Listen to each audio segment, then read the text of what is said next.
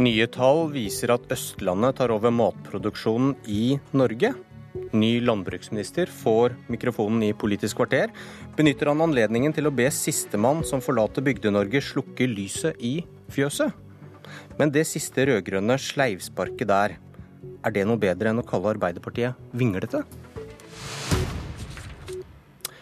Jon Georg Dale, når du sier ja til å bli landbruksminister, sier du også ja til å møte Per Olaf Lundteigen til debatt. Er du klar? Jeg er klar. Velkommen begge to. Vi får se hvem som må spise fjøslua. Dale, du har sagt vi skal ha norsk landbruk i hele landet. Og du har sagt det vil være døden for landbruket hvis utviklingen mot større gårdsbruk stanset. Viser ikke tallene i nyhetene i dag Østlandet tar over mer og mer av matproduksjonen, at du må slutte å si begge deler? Nei, det gjør de overhodet ikke. De viser først og fremst at det er mange som nå satser på småfeproduksjon, f.eks. I Valdres. Valdres er et klassisk distrikt for norsk landbruk. Bratte terreng, gode muligheter for å drive med eh, småfehold. Og nå er vi altså i den situasjonen at i 2015 slakta vi mye mer norsk lam enn vi gjorde eh, i 2013. Det skyldes at norske bønder har satsa på å produsere mer norsk lammekjøtt. Det er bra. Og det er altså slik at I 2013 måtte vi importere dette kjøttet fra utlandet. Nå produserer vi det f.eks. i Valdres eller i og rundt Gol. Og når vi produserer mat i Hallingdalen, så mener jeg det er en styrke for norsk landbruk. Men tallene ljuger vel ikke? Mer og mer av produksjonen foregår der det er flatt og mildt på Østlandet, eller?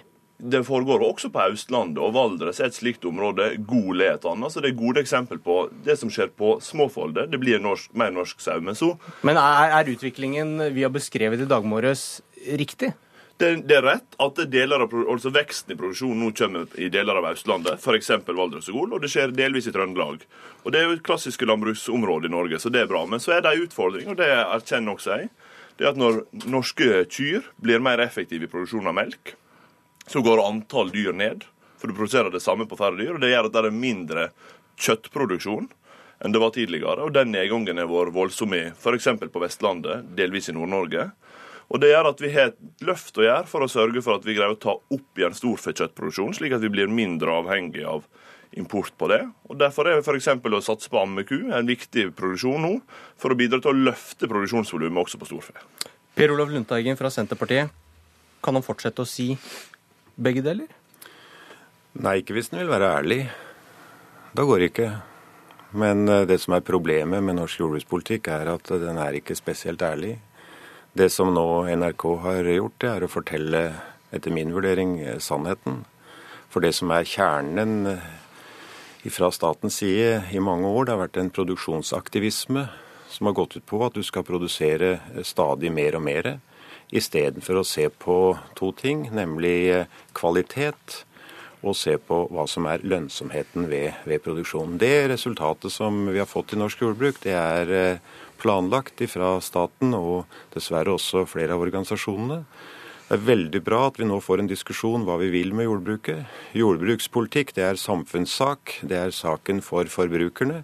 Gårdbrukerne er viktige, men jordbrukspolitikk har aldri vært politikken for gårdbrukerne, på samme måte som samferdselspolitikk aldri er politikken for lastebilsjåførene. Det er et paradoks når eh, Lundteigen sitter i et storting som samla har sagt at vi har som målsetning å øke matproduksjonen. Og når det da skjer, f.eks. på småfe, så er det også gale. Så må vi bestemme seg for hva en vil. Altså Når matproduksjonen går opp, vi er sjølforsynt med melk. 98-99 av den melka vi drikker i Norge, er produsert av norske bønder. 2-93 av det kjøttet vi spiser, er produsert av norske bønder. Til tross for at det ligger importert varer som er billigere, så velger norske forbrukere norsk. 8-99 av den melka og fløyten vi konsumerer, er produsert i Norge. Og Det viser jo det potensialet som ligger i landbruket.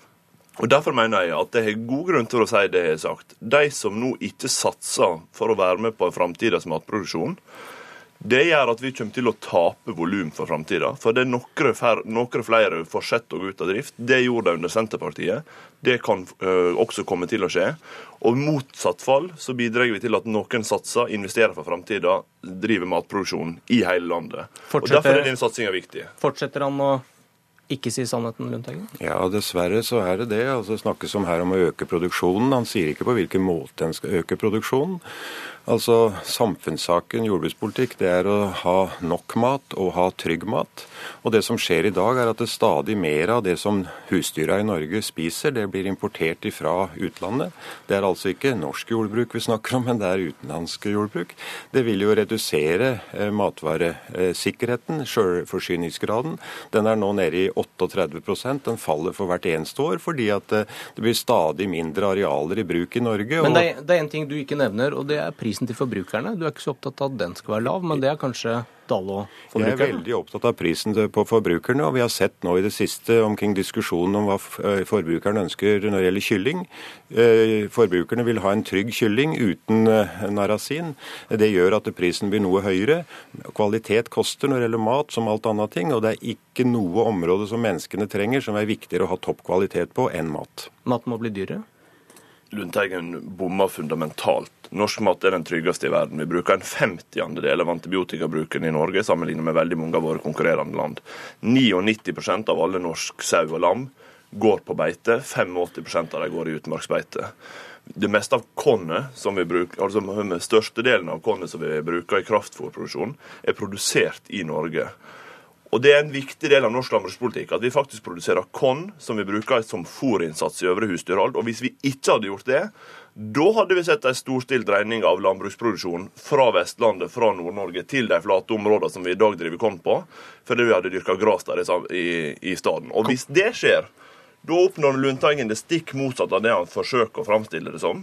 Nemlig en enorm konsentrasjon av all landbruksproduksjon der det i dag foregår kornproduksjon. Det er valg i 2017, Lundteigen. Er målet å snu utviklingen vi har fortalt om i dag? Ja, sjølsagt må det være Senterpartiets mål. For vi er nødt til å få et eh, jordbruk som produserer mer naturlig mat, mer trygg mat, produsere mat på de enorme grasarealene vi har, både i innmark og i, og i, utmark. Det gir kvalitet. Det er ikke samfunnsøkonomisk dyrere enn det som skjer i dag. I dag er det en sentralisering til noen få enheter med så mye transport, så mye kumøkk, så store utfordringer og så liten netto. Det er bankene stort sett som tjener på dagens utvikling. Dale, vi kan jo avslutte med et veddemål. Hvis Senterpartiet kommer til makta, og klarer å snu utviklingen, at det vokser andre steder i landet og ikke på Østlandet, spiser du fjøslua hans da? Det er i hvert fall sånn at Mesteparten av den utviklinga du i dag har tatt opp, skjedde under Senterpartiets regjeringsperiode, der de hadde landbruksministeren. Så hvis det, det har vært en målsetning å snu dette for Senterpartiet, så er i hvert fall politikken fundamentalt feilslått. Jeg har beskrevet her at det som har skjedd helt fram til i dag, det har vært eh, styrt, det har vært ønska, men det må en ny kurs. Det må en kurs for et trygt matproduksjon i Norge. Se Brennpunkt på NRK1 i kveld.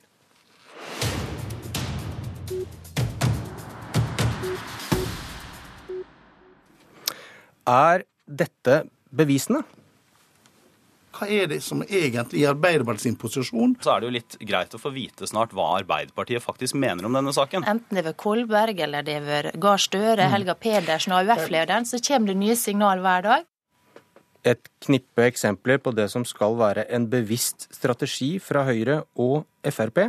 For Aftenposten skriver at det ligger en plan bak å konsekvent stemple Arbeiderpartiet som vinglete. Eller skal du skylde på tilfeldigheter, Helge André Njåstad fra Fremskrittspartiet? Nei, det er, ikke, det er, ikke, en bevisst plan, men det er jo ganske åpenbart for både oss og alle at uh, Arbeiderpartiet sier flere ting samtidig i, i mange spørsmål. Uh, bare innenfor min komité med kommunereform så har de ulike standpunkt. Innenfor asylpolitikken så mener de ulike ting på ulike dager.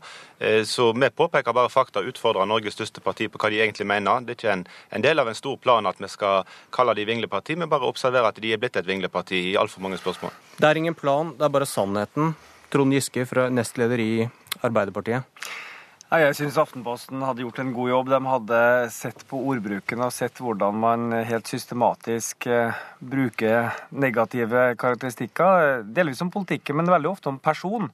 Eh, det går jo ofte på Jonas Gahr Støre personlig, at han er uklar eller vinglete osv. Og, og dette er selvfølgelig helt bevisst. De er dyktige. De har lært av sine eh, søsterparti ute i verden, republikanerne, Tories, Moderaterne, om at negativ kampanje eh, virker. Men hvordan, eh, hvordan, kan den virke hvis det ikke er sant, da?